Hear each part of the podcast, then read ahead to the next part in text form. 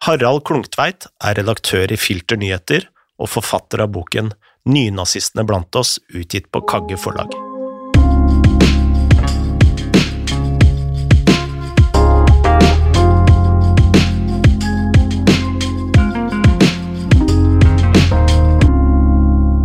Velkommen, Harald.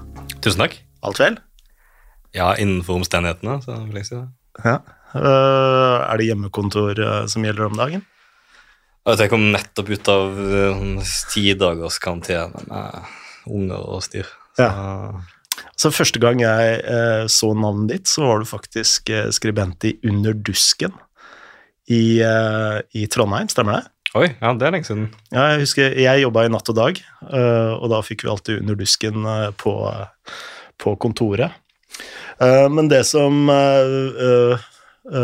virkelig jeg husker veldig godt, det var jo din tid i, i Dagbladet. Uh, og vi skal jo snakke litt om uh, nynazister og høyreekstreme miljøer uh, litt senere. Og da husker jeg det var et av de domenene du dekka veldig tett med, for øh, Dagbladet. Eh, men da het vel organisasjonene litt an, andre ting, da. Nordfront, for eksempel, var en sånn type organisasjon. Ja, jeg dekka det nok ikke sånn veldig hyppig, men jeg var, jeg var nok påkobla de sakene som, uh, som var. Mm. Jeg jobba egentlig med bredt med krim, og Ja, for du skrev mye om gjengmiljøene ja, og Oslo. Onkel Skrue og sånt. Ja, skrev du om. Ja. Ehm, ja, det, det har jo sine likhetstrekk, men, uh, men også ikke. Mm. Men, men ja, vi, eh, jeg toucha jo innom det i Dagbladet og skrev en del om disse russiske nynazistene som er i ferd med å etablere seg i, Oslo på den tatoveringssjappa oppe ved Holbergs plass. Russiske?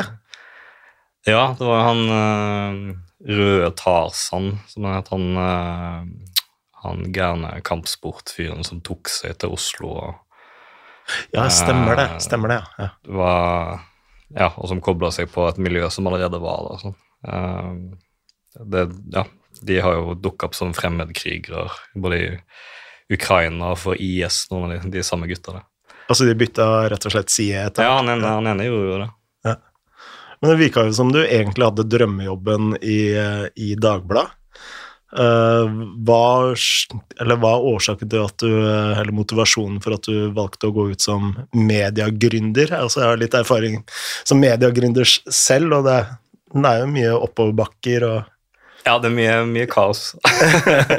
og ikke, ikke, ingenting er enkelt. Men nei, jeg, jeg hadde jobba der i ti år. Vært uh, nyhetsreporter og uh, også klubbleder på slutten, altså fagforeningen og uh, masse styr med nedbemanninger og, og sånn. Mm.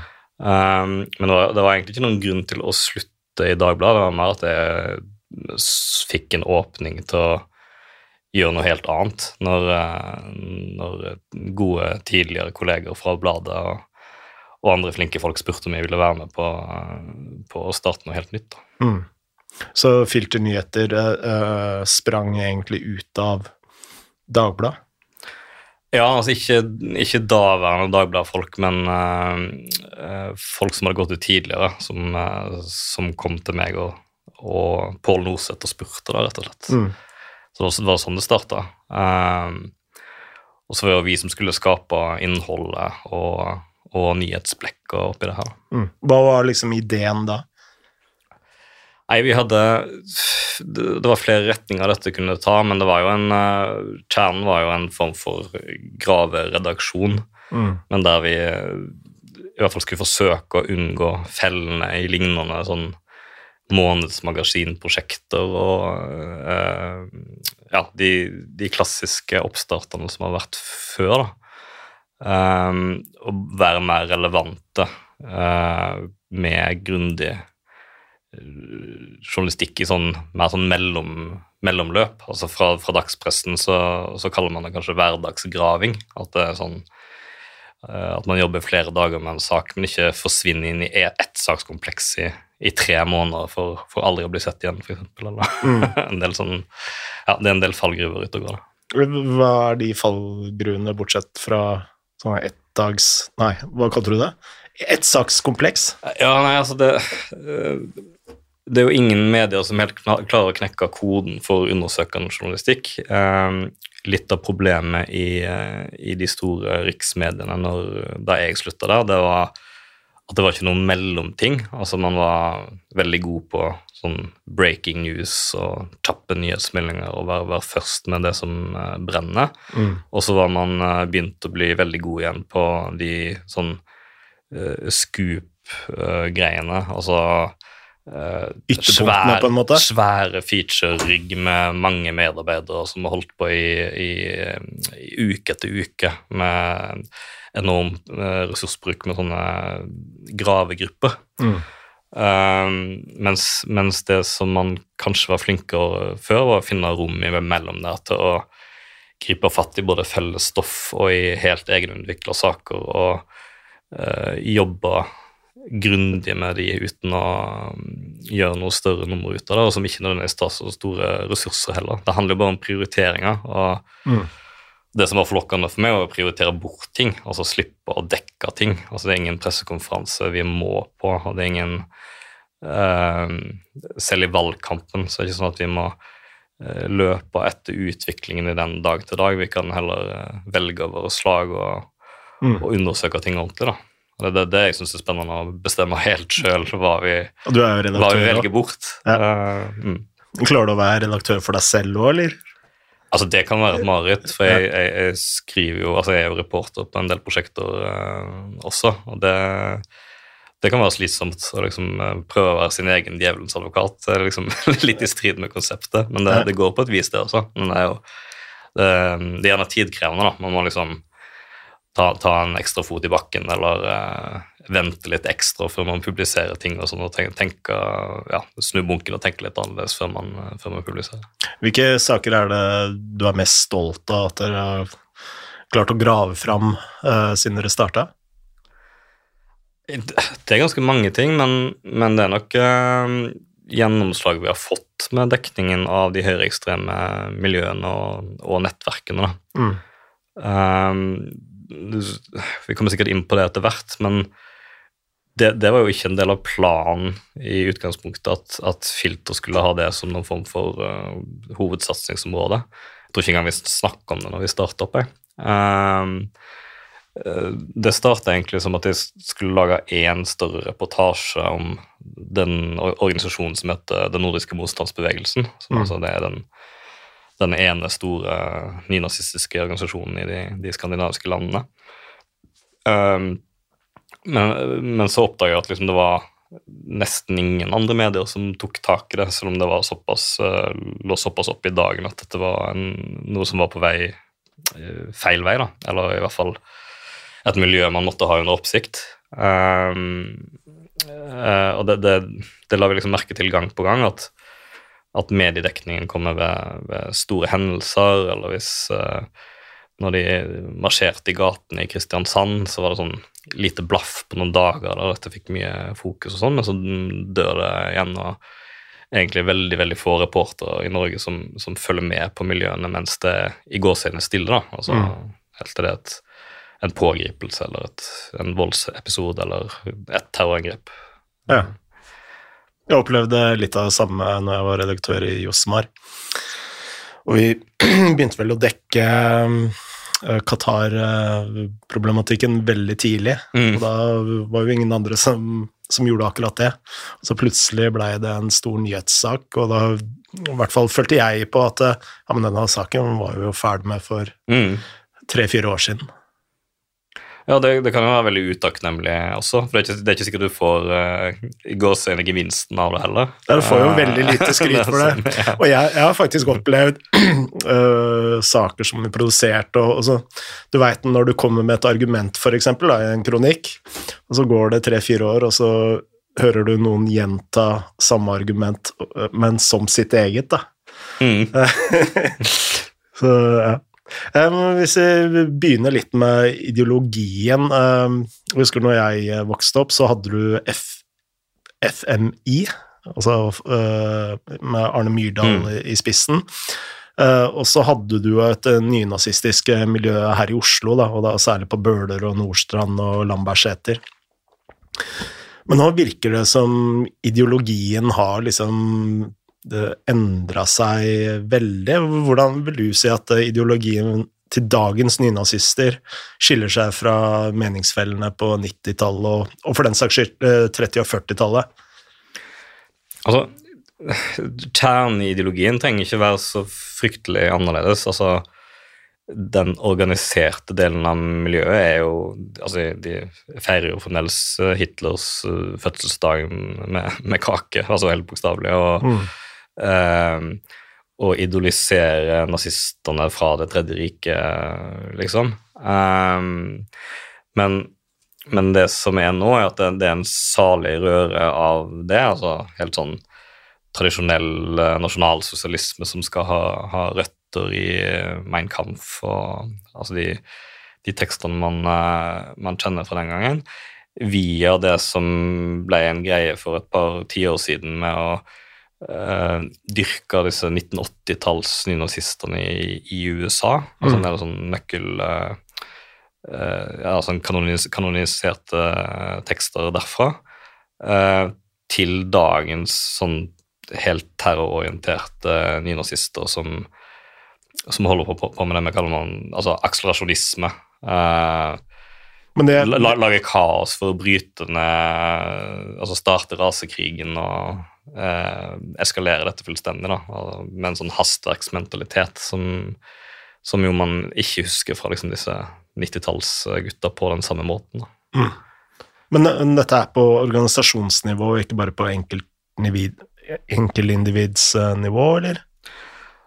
Altså det, det siste, altså den, denne terrororienterte uh, delen uh, er de, altså de, de, er veldig bevisste på å ikke ta avstand fra det på organisasjonsnivå, men samtidig så forsøker de jo en balansegang her opp mot det strafferettslige, så det er jo aldri sånn at man oppfordrer direkte til eller eh, omfavner gjennomførte angrep spesifikt og, og sånn, mm. men, men, men kjernen er jo en glorifisering av, av terrorisme og geriljakrig. og i, i, alle sånne diskusjonsfora der, man, der de samles i ja, litt mer lukka, så er jo den type ting tema hele tiden. Altså ikke sånn Ikke at man skal drepe navngitte politikere eller noe sånt, men, men denne eh, tanken om voldelig opprør og eh, uh, hvordan man skal gjøre det revolusjonære, og diskusjoner om liksom, hvor mye det haster og sånn, den, den, er jo til stede der hele tiden. Mm. Um, og jeg så jo også når jeg gjorde research i forbindelse med, den boka jeg skrev om nynazister, så, uh, så ser man også at det, det er enkeltpersoner inni organisasjonene som er, som er, helt oppslukt av også den mest ytterliggående terrororienterte tingene. Altså det, det, altså det fins ingen det fins ikke noen klare skiller der, er poenget. Altså de, de nettradikaliserte nettverkene som, uh, som, er mye omtalt nå de siste par årene, mm. De sklir også inn i organisasjonene og omvendt. Og, det er kanskje med i ulike organisasjoner òg, på samme tid? Ja, altså de, uh, de yngste er gjerne opptatt av en Altså ser seg som mer uavhengige eller fritenkende. da, er ikke så opptatt av organisasjonsmedlemskap eller å danne sine egne grupper eller egne brands og sånn. Ikke minst fordi de etablerte kanskje er for boomeraktig eller altså bare ikke kule nok, eller mm. ser lamme ut eller lager dårlige plakater og, og, og cheap propaganda, liksom. Ja. Mens de er mye mer nettsavvy og lager ting som ser og høres fett ut for 16-åringer. Med memes og Ja, og bare altså, en, en egen estetikk og sånn som, som, etablerer seg og blander seg med gamingkultur, og, mm. uh, som de er jævla flinke på, da, og som de liksom 40-åringene blant de gatenazistene liksom ikke skjønner så mye av. da. De prøver å etterape det. Til og med nordiske motstandsbevegelsen har jo sånn ukens memer og uh, prøver å kapitalisere på det og liksom gjøre seg yngre enn de er og sånn, men det, det det faller jo igjennom. Jeg så, jeg så noen uh, svenske medlemmer som hadde uh, laget en, en låt over reggae-beat. Oh, ja. Og det, det, det skurra for meg. Ja, altså, det er jo jeg tror det er sånn, jeg tror det er ganske stor uenighet internt i organisasjonen om liksom hva man kan tillate seg av uh, sprell for å liksom uh, tekkes de eh, nye nettrendene. da. Så det, det er veldig mye rart, det. Og det, det, er ekstra interessant nå, egentlig, sånn generelt, hvor mye de famler i å knytte seg til uh, både den, den yngre bølgen, men også, um, også nyhetshendelser og, og, pandemien nå, da. Mm. Uh, lederen i nordiske motstandsbevegelsen har nettopp en podkast der han liksom forsøkt å balansere de i liksom konspirasjonsteorilandskapet. da de vil, de vil, ikke bli assosiert med de mest sånn bonkers alternative folka, fordi det er liksom Det bare støter jo folk fra seg, fordi de aller, aller fleste er enige om at de er ko-ko. Mm. Samtidig som de prøver å kapitalisere på vaksineskepsis og de som liksom syns at noe er off, og at myndighetene jobber mot dem, og sånn, men med en slags sånn seriøs planke der. da, og det, ja, det blir interessant å se framover hvordan hvordan de har tenkt å gjøre det. Du har, du har skrevet en del om at uh, en del av disse uh, er mer fordypa i ideologiske diskusjoner enn uh, en, altså Du skriver den jevne medlem i et norsk stortingsparti. Altså, og jeg bare tenkte at dette høres jo nesten ut som en sånn kollokviegruppe på på Blindern til, til eh, tider. Men uh, er det sånn at eh, uh, nynazister og høyreekstreme er rett og slett mer beleste og, og har tilgang til mer farlig ideologi uh, tilgjengelig gjennom internett og Altså det, de, de, forsøker jo å, veldig å gjøre inntrykk av det, så det, det er alltid liksom vanskelig å få grep om om hva som er image, sånn der eh, seriøst lesesirkel-image, uh, og, og, hva som er realitetene. Men, men, men det har overraska meg ofte når jeg har snakka med uh, både avhoppere og aktive, eh, hvor dypt engasjert og opplest de er på, på høyreekstrem ideologi, da. Mm. Og på raseideologi, og at dette er noe for det er fortsatt jødene uh, som er det men, Ja, sant. Det, det, det, det, paraplyen for alle det vi snakker om her, er at, at det, det, er jødene som står bak. Altså Uansett samfunnsproblem man, eh, man, eh, man knagger opp, så er det, så er det liksom den store jødiske konspirasjonen og, og verdens herredømme som, som, ligger bak. Men i det så ligger jo også altså, alt fra masseinnvandring og muslimer til pandemien og institusjonene man kobler opp mot det, og ikke minst liksom det globalismebegrepet som, uh, som hele ytre høyre har uh, kastet rundt seg med nå ja, de siste årene. Mm. Um, mm. Altså, hva slags bøker og skrifter er man snakker om her, da?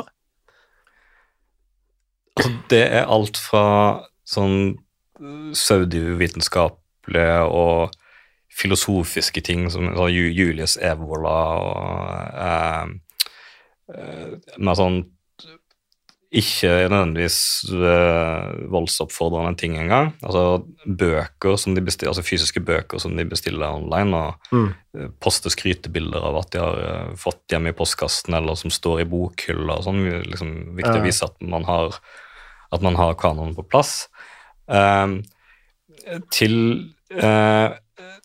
liksom PDF-er av eh, gamle helter fra Men da liksom sånn 80-90-tallet, da. Altså eh, det som er innom med eh, terroristene fra USA på, i den, den, epoken, som jo eh, har liksom bobla til overflaten igjen som eh, fra de som ikke var født engang. Mm. Som, som er sikkert er veldig eksotisk for de da, disse mer sånn fanzineaktige Eh, bøkene med fullt av voldsbeskrivelser og liksom som tegner opp hele rasekrigen uh, for det. Mm. Um, og til, til selve uh, terrormanifestene, til uh, den bølgen av terrorangrep som oppsto altså Ikke så mye Breivik, kanskje, fordi han er fremdeles kontroversiell på ulike måter i, i de høyreekstreme miljøene, men, men Brenton Tarrant og alt som fulgte etter i, i 2019, da.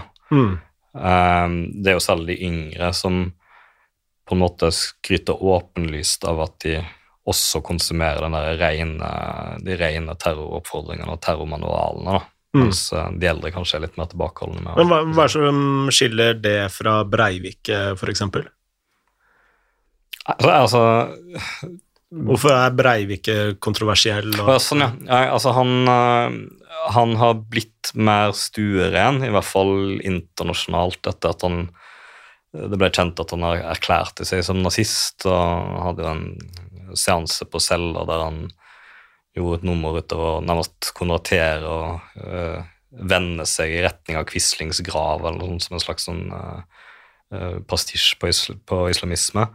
Um, Eh, men særlig i Norden, da, ikke minst Norge, så er det fremdeles mer sånn mm, Kall det populært blant nynazister å stemple han som en uh, Mossad-agent eller som et uh, sionistisk plott eller falsk flaggoperasjon eller Altså, man, man omfavner han ikke på samme måten, da.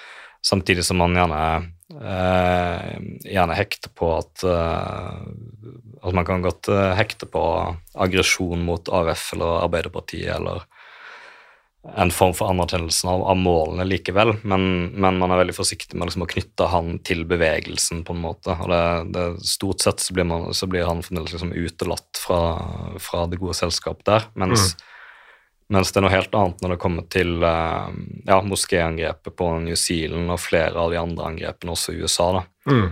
Uh, nordiske motstandsbevegelsen gikk, gikk oppsiktsvekkende langt etter, etter Christchurch-angrepet i å vise forståelse uh, for angrepet. da. Altså, Mm. De gikk nesten så langt som de kan uten at det blir en ren terroroppfordring. Mm.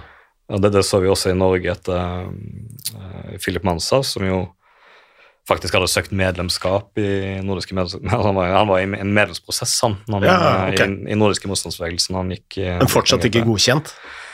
Nei, det var en, altså en ren inkurie. Det var um, pågående splittelse i organisasjonen som gjør at han ennå ikke var tatt opp da han bestemte seg for, for å gjennomføre angrepet. Men han hadde vært på sånn um, altså møte med to ledere for altså et langt jobbintervju for Ja, ja. osv. Um, men, men etter angrepet hans så var det jo også en, skrev også den norske lederen for motstandsbevegelsen en tekst som liksom går ganske langt i å uh, gi anerkjennelse til eh, angrepet med andre ord. da. Eller en sånn uh, klassiske retorikken der at man man gås, altså man tar, man tar litt avstand fra selve terrorangrepet, men eh, skriver endeløst om hvor forståelig det er at, eh, at eh, noen går så langt. Så det er liksom, ja, alle, alle skjønner hva, hva, man, hva man er ment å kunne lese ut av det. Hvilke virkemidler er det de Altså, Vi veit jo hvor langt de kan gå, men altså, hvilke virkemidler er det de eh, promoterer selv? At de oppfordrer sine medlemmer til å, til å begå på, på, på mange måter? Og de organisasjonene som vi kjenner til uh, her hos oss Ja, jeg eh, tenker sånn i Skandinavia, da, ja, først og fremst. der, er det, der er egentlig ingenting som tyder på at uh, toppledelsen planlegger eller uh, oppfordrer direkte til terrorangrep eller, eller noe større voldsangrep og sånn.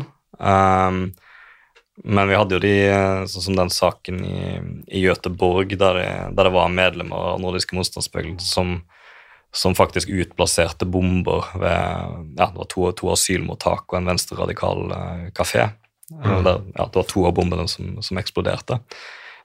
De var jo fullverdige aktivister og ganske sentrale lokalt i, i motstandsbevegelsen da de, da de utførte dette. Og da han første slapp ut av fengsel etterpå, så sto jo mm, organisasjonen og venta på han på utsida, helt bokstavelig. og Mm. Uh, det var ikke noe tvil om at de var inne i varmen igjen.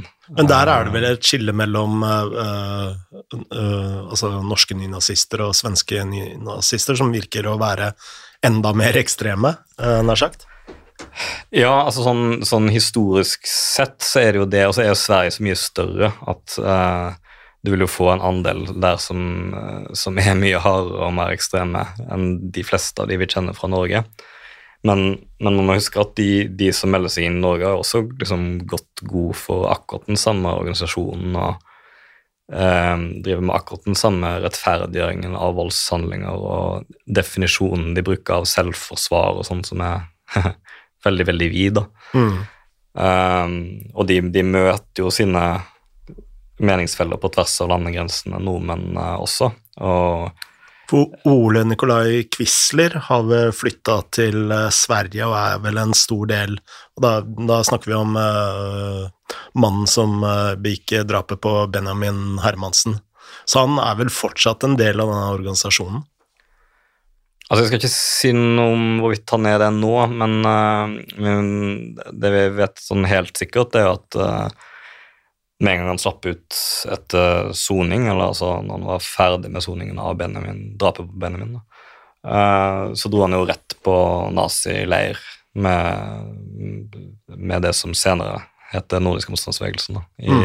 i, Sverige, sammen med norske nazister. så det også syns jeg er ganske sånn sterk sterkt eksempel på uh, ja, hva slags type handlinger de er villige til å helt åpenlyst akseptere og nærmest hylle i etterkant. da. Jeg, mm. jeg snakka med avhoppere som beskrev hvordan man i lukka lag omtalte Benjamin-draps uh, Altså gjerningspersonene bak Benjamin-drapet som, altså, som litt sånn glorie. Sånn Uh, jeg skal ikke bruke det ordet, men, uh, men altså man, ja, man hyller nærmest uh, de for drapet. Og de, de, fikk liksom økt status i mytologien internt i organisasjonen i etterkant. Mm. Hvis vi bare oppsummerer og prøver å se liksom det brede spekteret av høyreekstreme, hvem er liksom de viktigste og farligste aktørene her i Skandinavia? Altså Hvis vi reduserer til Norge først, så er organiserte delen ganske svekka eh, de siste par årene. Eh, litt uoversiktlig i pandemien, fordi de altså de, de, også forholder seg til uh, tiltakene på sitt vis og sånn, og har i hvert fall veldig vanskelig for å liksom, ta til gater og torg og få vist seg fram ordentlig, ja. sånn uten at folk uh, uh, Ja, uten at det går dårlig. Um, så det virker som de strever med rekrutteringen og, og har i hvert fall stagnert.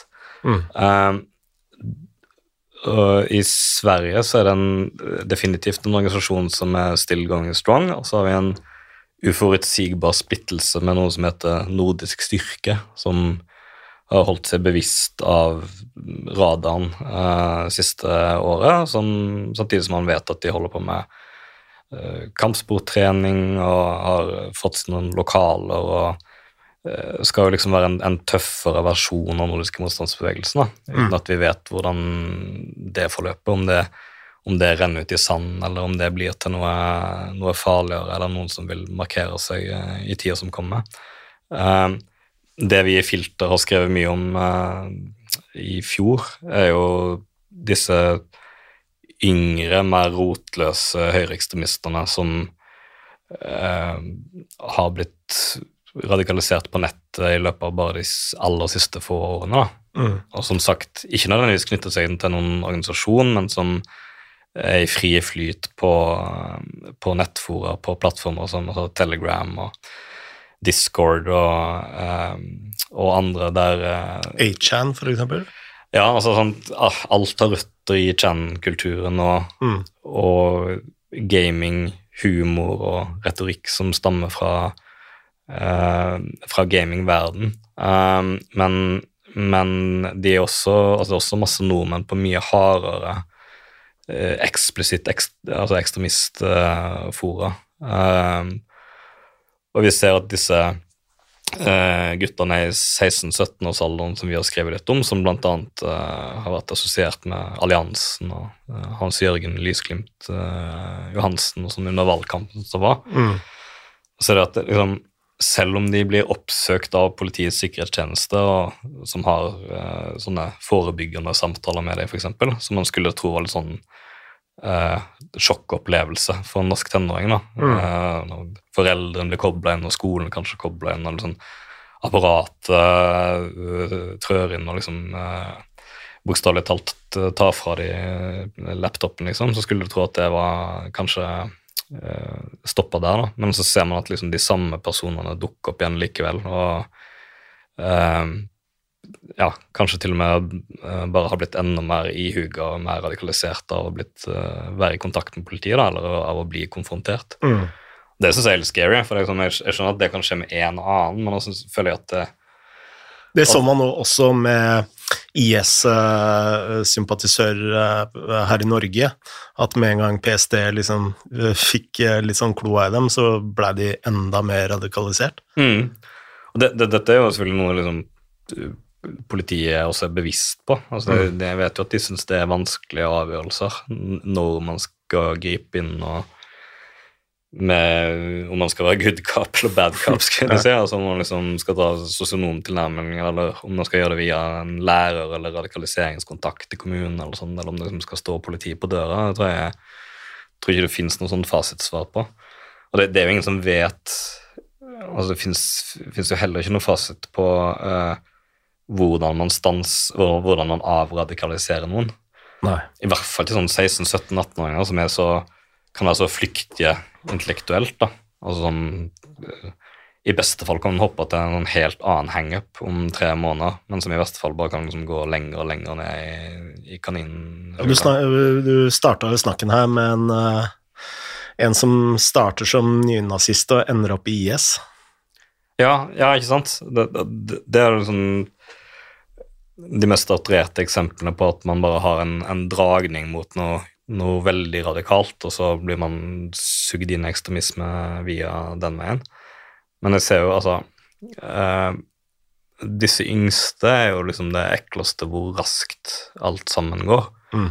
Altså en ting, altså Man hadde jo den typen radikaliseringsprosesser på 90-tallet også, men det straks i over måneder og år, sant? fordi man Kanskje bestilte man en fanzine fra Eller en kompis fortalte om en fanzine man kunne bestille fra USA, så man sendte noen pengesedler, og så ventet man en uke på, på, den, og så ble man overtalt til å bli med i Hvit makt-konsert i Sverige et halvår senere. Mm. Altså sånne sakte sosiale prosesser og eh, trykte, trykte leaflets og, og sånn, mens her er det liksom en ettermiddag hvis du vil, da, eller liksom eh, så, så, så kan du liksom gå fra uh, litt sånn uh, shady holocaust-revisjonisme på YouTube til de liksom aller mest bekmørke Telegram-kanalene med, med bombehåndbøker og, og prepperoppskrifter fra liksom de verste nynazistene du kan tenke deg. da, mm. med attentatmål og Breivik-glorifisering. Og det er det der går så jævlig fort at liksom, jeg, tror ikke liksom folk har skjønt hvor, uh, hvor kjapt tenåringen kan, kan skline. Hvor fort den Ja, altså ja, Det har vi jo sett mange eksempler på, men uh, altså den saken dere hadde om alliansen, som da uh, nærmest er en sånn rekrutteringsanstalt for nynazistiske organisasjoner, og jeg bare tenker Første gang jeg så Jørgen Lysklemt uh, på NRK som uh, Han var vel ikke henta inn som uh, Donald Trump-ekspert, men i hvert fall inne som Donald Trump-tilhenger. hva tenkte du når du så en sånn mann på NRK? For jeg antar at du visste såpass mye om alliansen var vel ikke skapt på det tidspunktet, men du kjente sikkert til bakgrunnen hans og motivasjonen hans når han var på NRK?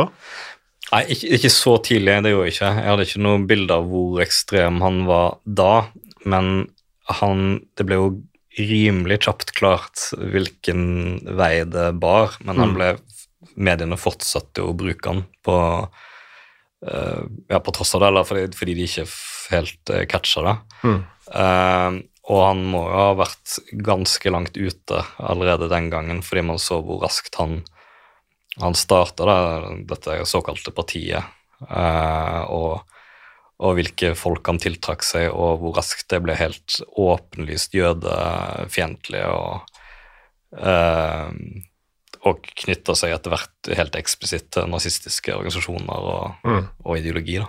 Vil du kalle det et eh, Altså, de er jo et parti. Vil du kalle det et nynazistisk parti, eller? Nei, for det, det, er jo ikke, det er ikke uttalt, det. Altså, uh, Lysglimt Johansen er høyreekstremist og uh, har jo Altså, han har jo uh, skrøt i valgkampen av at han har overført penger til den nordiske motstandsbevegelsen, så han, han er jo, har jo nazistiske sympatier og oppfordre folk til å oppsøke nazistisk ideologi og organisasjoner. Mm. Uh, jeg kan ikke si det samme nødvendigvis som alle andre involverte i alliansen, men det var jo, det var jo etablerte nynazister på selve valglistene, altså i stemmelokalene. Så det jo så, De snakker sammen, iallfall. Ja, det, det, det, er ikke noe tvil om. Og så har, har, de andre organisasjonene vært litt sånn i tvil om hvordan de skal forholde seg til han, om han er en en inngang til å rekruttere ungdommer, eller om man blir for klovnete og, eh, og ute til at de, de, kjenner noe på det. Så de har liksom ligget litt på været og uh, vært litt usikre på hvor, uh, hvor, offisielt man skal anerkjenne noe sånt, men det er ikke tvil om at han er egnet til å rekruttere barn og tenåringer inn til, ja, til høyreekstremisme. Altså, du har jo skrevet en helt fantastisk bok som heter eh, 'Nynazister eh, blant oss', uh, utgitt på Kagge forlag, og da er liksom spørsmålet altså hvem er disse som går blant oss? Oi, det kunne vi snakka mye om. Um, da ville jeg igjen pekt på disse altså akkurat nå, da, disse helt vanlige ungdommene. Uh, fordi da PST og politiet er veldig opptatt av å understreke at det stort sett er sårbare Eller i hvert fall et flertall av de er såkalte sårbare personer med, som krysser masse bokser med enten eh, psykiatri eller traumer i oppveksten eller eh, rusproblemer eller ja, alle de kjente faktorene. og det Akkurat det samme som du ser i annen form for ja, ekstremisme. Yes, ikke sant? Ja. Um, og, og, og, det kan man jo si at det blir riktig når man ser på statistikken over de som er registrert hos PST og sånn. Men når vi gjør research, så ser vi også at det uh, utvilsomt er folk med uh, Som i hvert fall helt nylig har hatt ganske oppegående sosiale nettverk. Uh, ikke skilt seg ut i negativ forstand på videregående skole, f.eks. Kanskje til og med ganske populære, vært med på skolerevy og Watson at i hvert fall ikke noen Det er ikke liksom nødvendigvis uh, friken eller utskuddet på skolen eller den som slutta på skolen eller begynte å ruse seg tidlig eller noe sånt. Mm. Så det uh, kan være personer jeg møter som ja, er liksom ikke Ja, ja for, ja, for, for, det er en, for det er en uh, Noen har det bare starta som en sånn kontrær høyreradikal streak, og så har de rota seg inn i veldig ofte eh, holocaust-fornektelse og den, den bagen der som er en inngang til jødehat. Og, og dermed funnet en del av disse foraene som, eh, som vi var innom i sted, der eh, som er sånn 24 timers eh, sentral med, eh, med terrorpropaganda. da. Mm. Eh, gjerne forkledd som humor og For her er vi inne på gamingkulturen og, og sånn igjen. Ja, og, og jeg, jeg syns ofte jeg ser at, at, eh, de ikke forstår sjøl hvor radikalisert de har blitt. da. Altså at de ser Altså de har en viss ironisk distanse til, til det ganske lenge, men forstår ikke at de liksom eh, Hvor mange timer i døgnet de omgir seg med eh, voldspornoer, da. Mm. Eh, og og utallige beskrivelser av, eh, av, av, det som er politisk vold. Altså at, eh, at, man legitimerer det som virkemiddel for å uh, få til endringer i samfunnet, rett og slett. Um, og, og, sånn para med ren nihilisme, da. At disse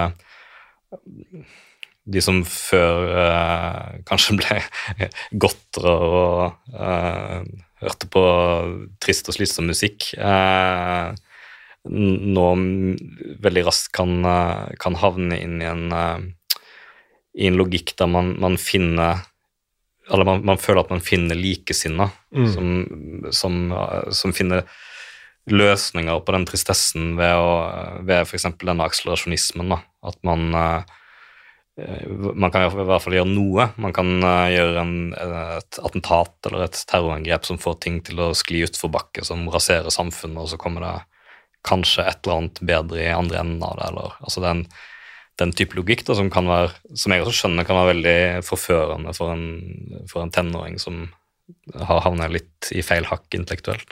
Men i et land som Tyskland, eksempel, hvor du ser at uh, de har klart å infiltrere uh, uh, både politi, militær og andre viktige samfunnsfunksjoner. Vil du si at miljøet er mye Altså, det har ikke gått så langt her i, i Norge og Skandinavia, fordi miljøet er fortsatt så ungt, men kan man ende opp i en situasjon hvor de er på nivå som eh, det ble avdekket i, i Tyskland, f.eks. Og så Hvis du går til Sverige, så er jo antallet høyreekstremister og eh, nazister såpass stort. Altså Bare det kjente, organiserte miljøet er jo flere hundre personer, og, og i støttespillere mye større enn det igjen. Eh, og da, da, begynner man å miste oversikten, ikke sant? Altså mm Eh, hvis det i en, i en middels stor svensk by er liksom mange titalls eller hundrevis av ekstremister å følge med på for myndighetene, så er ikke det noe man klarer over tid. Da må man ha et helt sånn ekstremt etterretningsapparat som, uh, som ingen vil ha. Um, så, så, da begynner man å liksom, nå et farlig nivå, da, der det kan oppstå nettverk også på ja, arbeidsplasser, og i verste fall også sånne i, i, etater, uten at man har sett så mye av det i Sverige nødvendigvis. Um, og så er liksom ytterpunktet ja, det, det er i Tyskland, der man har til dels mista helt kontrollen over det når det kommer til noe av røktingen av dette. Der, det er så skremmende. Um, ja, det er sant, altså, der, det, der det stadig vekk blir avdekka helt reelle altså Det høres jo helt konspi ut, men, men, det er jo ikke det. Altså, det er reelle nettverk i forsvarsavdelinger der, mm. der det har sittet soldater og delt uh, ikke bare høyreekstrem propaganda med hverandre, men begynt å lefle med litt sånn borgerkrigsprat om at de, man kanskje bør gjøre noe mot myndighetene og sånn. Mm. Uh, nå i pandemien så har jo det liksom også blitt sausa sammen med vaksinemotstand og, uh, og, disse tingene her. Men, men altså, vi, vi, er på ingen måte der i, i Norge. Um, og det er liksom jeg tror hovedårsaken til det er ikke sånn at vi har noen sånn magisk motstandskraft, men at alt bare er mye mindre hele, mm. hele tida. Mm. En sånn litt sånn lykkelige sammentreff der uh, ja, der det er nesten, nesten, umulig at noe sånt får utvikle seg, f.eks. For i Forsvaret, uten at noen legger merke til eller at noen sier fra. Uh, så det, det, det, er farlig å si, men, men, da tror jeg vi er liksom på enkeltpersoner og ikke liksom miljøer og grupper og Mm. ting som, er, som, er, som, klarer å bygge seg opp helt i det skjulte. Men uh, når vi snakker om enkeltpersoner, altså du har jo vært veldig kritisk til dette med sånn ensom uh, ulv-narrativet. Uh, hvorfor det? Ja, det? det? er fordi det, det, viser seg jo sjelden å være tilfellet. Um, altså det var jo feil allerede med, med Anders Behring Breivik, f.eks., når man ser hvor tett påkobla han var altså ideologi og nettsteder, forum i, både i Norge og, eh, og andre land. Um, men det er jo ingenting i forhold til hva de som har begått voldshandlinger eh, nå de siste årene, som har jo eh, veldig ofte altså, vokst opp på nettfora der de er omgitt av meningsfeller hele tida, og som mm. eh, Det trenger ikke være sånn at de eh, har vært i ledtog sammen om å planlegge den spesifikke voldshandlingen, men det er liksom indirekte oppmuntringer til det eh, kontinuerlig, da. Eh, og det er en, en, eh, en, egen nettkultur der man eh, der det har gått sport i å overgå hverandre, og der de altså, de, altså terroristene glorifiseres som, som helgener, altså man kaller de saints, og de, mm. de gis sånne eh, ja, gamifiserte high scores. Uh, Breivik fremdeles øverst eller veldig høyt oppe, osv.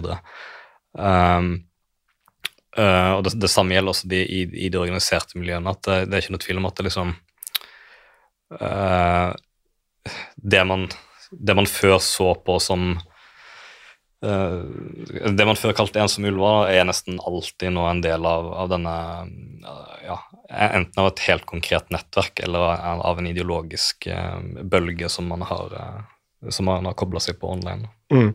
Er sosiale medier liksom de høy, høyreekstremes aller viktigste våpen? Ja, altså de Og da tenker Det- jeg ikke det- sånn nødvendigvis eh, Facebook og Twitter, men um, altså du Du har jo skrevet om Ved kontakte, som jeg aldri har hørt om før. Altså, eh, du kaller det Putins Facebook. Ja, ikke sant? Altså det, det er i hvert fall Altså, det, det er to sider av det. Det er jo Det ga det jo for første gang mulighet til å bare fri til masse random folk der ute på nettet. Altså bare pumpe ut innhold, nyhets, eh, altså nyhetsmeldinger som er Altså det, det ja, altså de, Nesten alle høyreekstreme organisasjoner i dag, altså etablerte organisasjonene, har jo et nettsted som eh, som er en sånn litt sånn alt-right-aktig profil, der de også har i gåsehudene seriøse, reelle nyheter for å trekke folk inn dit, og så Mm. radikalisere de på sikt, ikke sant? Um, og og eh, det, det er den ene siden av det, at, at de, liksom, de kan bare eh, pumpe innholdet ut og håpe at liksom, de eh, rekrutterer et medlem her og et medlem der, som Mm. det jo også gjør. Uh, men også uh, internasjonaliseringen av det skøyter fart på en helt ny måte. Altså dette har jo alltid vært internasjonalt, og man har funnet andre høyreekstremister i, i utlandet og brevveksler og møttes på samlinger og konserter osv. Men, men, men skalaen er jo helt annerledes. Altså, som, jeg, som jeg har skrevet litt om, man kan Altså hvis, eh, hvis man sitter sent oppe på natta i Norge og alle de skandinaviske nazistene har lagt seg, så kan du banne på at jeg liksom har våkna opp igjen i Australia eller i, eller i USA som man kan sitte og chatte med eller, eller utveksle våpenmanualer med, eller hva man måtte Massifisere døgnet rundt. Ja, sant. Og det, det er sånn ehm, og det, det kan man jo tenke seg sjøl til, at um, den følelsen av fellesskap, da, altså hva det kan lede til altså Mm. Hvis man er veldig positivt innstilt, så kan man jo se for seg at, at det er tilstrekkelig for noen. da, At man ikke føler seg alene, at man sitter der og jazzer om ekstreme ting, men går ikke noe videre. Men det er ikke noe tvil om at en liten andel også uh, ser på det som, uh, som en tillatelse til å gå mye lenger. da. Eh, og det er også en personlighetstype som, som hele tida vil vise seg, altså vil vise at han er mer ekstrem enn den gruppa han til enhver tid er en del av. Mm. Uh, og sånn, sånn oppstår jo disse rene terrorgruppene av særlig altså 13 til par og 20-åringer som, uh, som virkelig skal vise de, de gamle gutta at de, at de har mer baller enn uh, Så ender du opp med et, en, en sånn Progo-kamera på, på en hjelm Mm. og går inn i en moské eller Um, Hva tenker du om øh, medias øh, rolle oppi alt dette her? Ser du har uttalt at det er mye naivitet i dekningen av høyreekstreme miljøer. Hva, hva tenker du på særskilt da? Ja, det, det er i hvert fall ofte lite gjennomtenkt. Um, eh, altså, det er jo mm, altså Når jeg har sagt naivitet, så har jeg, altså, jeg tenkt mest på lokalmediene i, i Norge og Sverige og Danmark, der man ser at eh, man kan f.eks. heise opp et hakekors i en flaggstang på en skole, og så blir det en en, eh, en nyhet i lokalavisa helt uten noe kontekst. da, sånn akkurat, Det var akkurat det som var formålet til nazistene da de, da de, de gjorde det. Um, altså Som hopper rett på den oppmerksomhetssøken til organisasjonene uten å ha noen kunnskap eller grave i hvem det er som står bak, og hvilke personer dette er lokalt, og um, ja, gjør den typen undersøkelser. Uh, på sånn, på nasjonalt plan så er det jo gjerne at man, måten man omtaler høyreekstreme handlinger på, uh, f.eks. at uh, hvordan man bruker de propagandapakkene og bildene som er klargjort av gjerningsmennene. og Mm. uh, altså, sens, altså, Altså en bidrar pressepakke som bare går ja, rett sant, ut. som, er, som er sånn helt uimotståelig. Jeg, jeg har jobba i, i, i Dagbladet sjøl og vet, vet hvordan det er. Jeg vet ikke om jeg ville gjort ting annerledes nødvendigvis engang, men eh, liksom ehm, når, når angrepsvideoer og sånne promoportretter uh, offentliggjøres, uh, så hopper pressen på det. da, Det er liksom sånn symptom på at man ikke helt forstår dynamikken i disse tingene, og hvor sentralt det står i uh, å skape nye angrep. da. Mm. Det er jo det Altså, det er det som skjer. altså Når man hadde den, den terrorstafetten, som man kan kalle den, var jo at de, de leser om det i masse mediene også. Det er ikke bare i, i um, obskure kanaler at, uh, at dette får traction. Det, det, er jo, det, er jo, også fordi man ser uh, hvor mye storsamfunnet eller, ja, liksom promoterer disse tingene også. Mm. Altså PST har vi sagt at uh, høyreekstremisme er den største trusselen i Norge akkurat nå. De, de likestiller iallfall med, med jihadisme. Ja. Mm. Er uh, det en, uh, en, Altså et synspunkt du deler? Ja, samtidig så er jeg ikke noe glad i det der I de sammenligningene eller den, den skalaen Altså, jeg syns sånne årlige trusselvurderinger bommer ofte litt på poenget. altså mm det er bra at man, man poengterer hva folk skal være oppmerksomme på, og sånn, men, men, når det gjelder høyreekstremisme, så er det liksom helt uavhengig av utviklingen til jihadisme eller andre former for uh, de som forherliger politisk vold, da, så, så, er jo det noe vi kommer til å streve med nå i ikke ett eller to år framover, men, veldig mange år uh, framover. For det, altså det, det er et grunnlag og en kontinuitet da, som kommer til å skape trusler i, kjempelang tid framover. Så det er ikke liksom eh, Det er ikke så mye vits i å omtale det som at i, i 2022 så er faren litt mindre eller litt større, eller snakke om urovekkende trender og sånn, fordi eh, det, det, er så eh, det, det er såpass rotfesta at, at, dette er noe vi kommer til å streve med ja, på, på mye mer langsiktig plan. da. Mm. Så jeg tror man skal være litt sånn forsiktig med å å ta det år for år, eller, ja, ja. eller, liksom, eller, eller feste for mye til disse trusselvurderingene. Fordi uh, eh, PST og andre sikkerhetstjenester er jo også helt åpne om at de har ikke noe totaloversikt. Uh, altså, tvert imot, de, de har ikke sjans. Altså, det, um, norske PST har vel også snakket om at altså, man, det er så mange plattformer at selv om man liksom hadde ønska å overvåke dem, så hadde man ikke hatt mannskap eller kapasitet til det. Altså, for det, det foregår på eh, altså livesamtaler eh, under gaming, f.eks. Altså mm. sitte og spille og, og snakke terror på, i headsetet. Ja. Um, uh, det gjør jo også Al Qaida og ja, IS. Ja, ikke sant? Ja. Og, det, og det, ja, å bruke fora som har tenkt til helt andre formål til, uh, ja, til, til, den typen konspirasjoner. Så det um, ja, nei, nei, ja, som sagt, jeg er liksom veldig forsiktig med å og feste for mye lit til de vurderingene. Mm. Uh, før vi uh, avslutter, så må vi si to ord uh, altså med det vi starta om, media.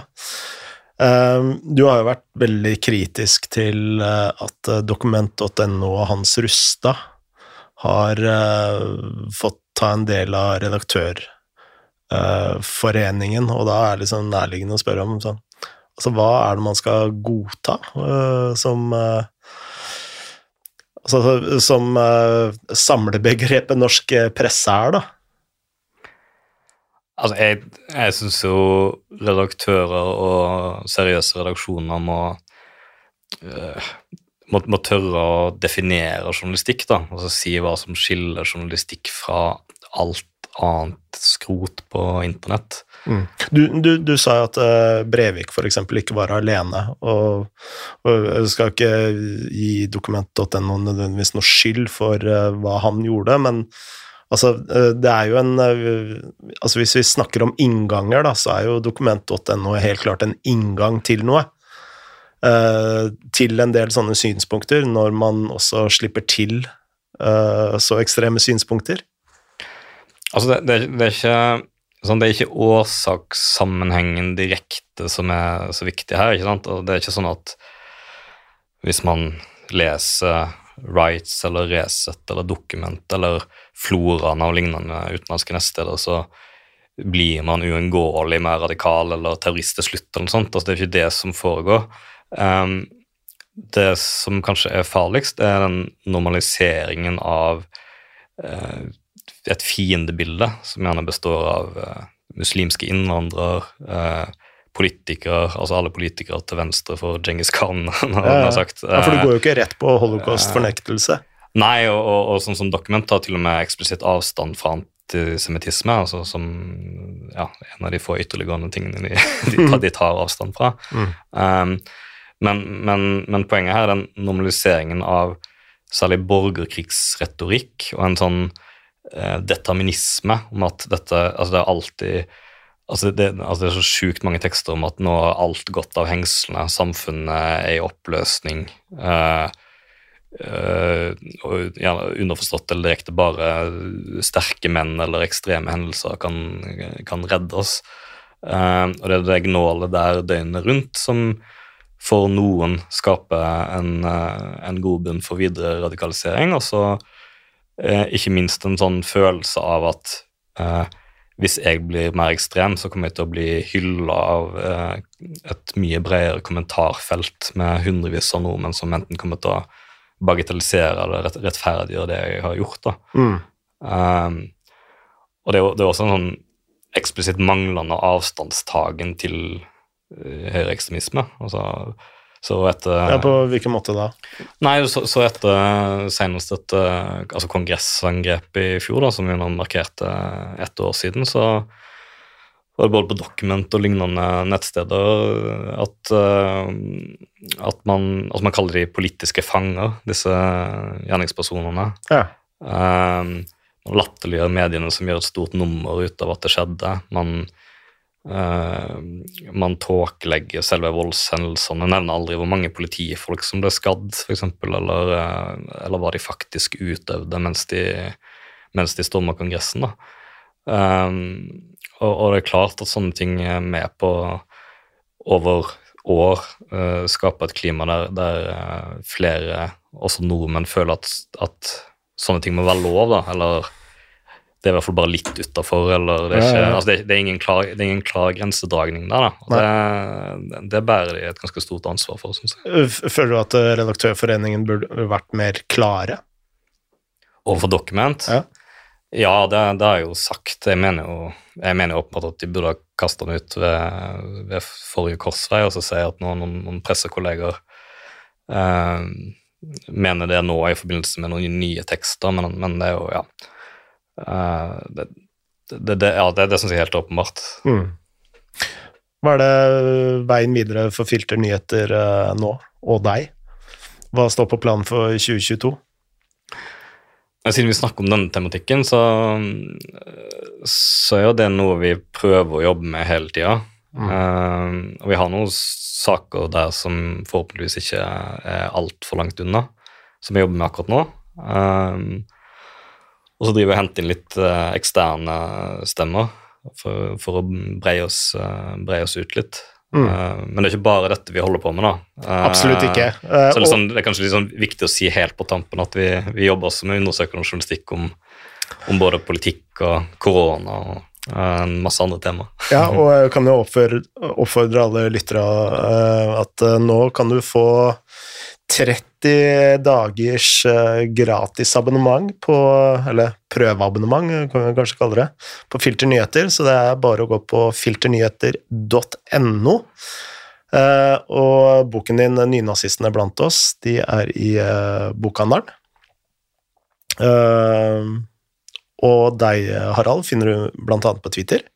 Hva er nikket ditt? Klungtveit. Enkelt og greit. Da sier vi så. Tusen takk for at eh, du, eh, du kom. Eh, Veldig hyggelig og lærerikt, ikke minst. Selv takk. Moderne media.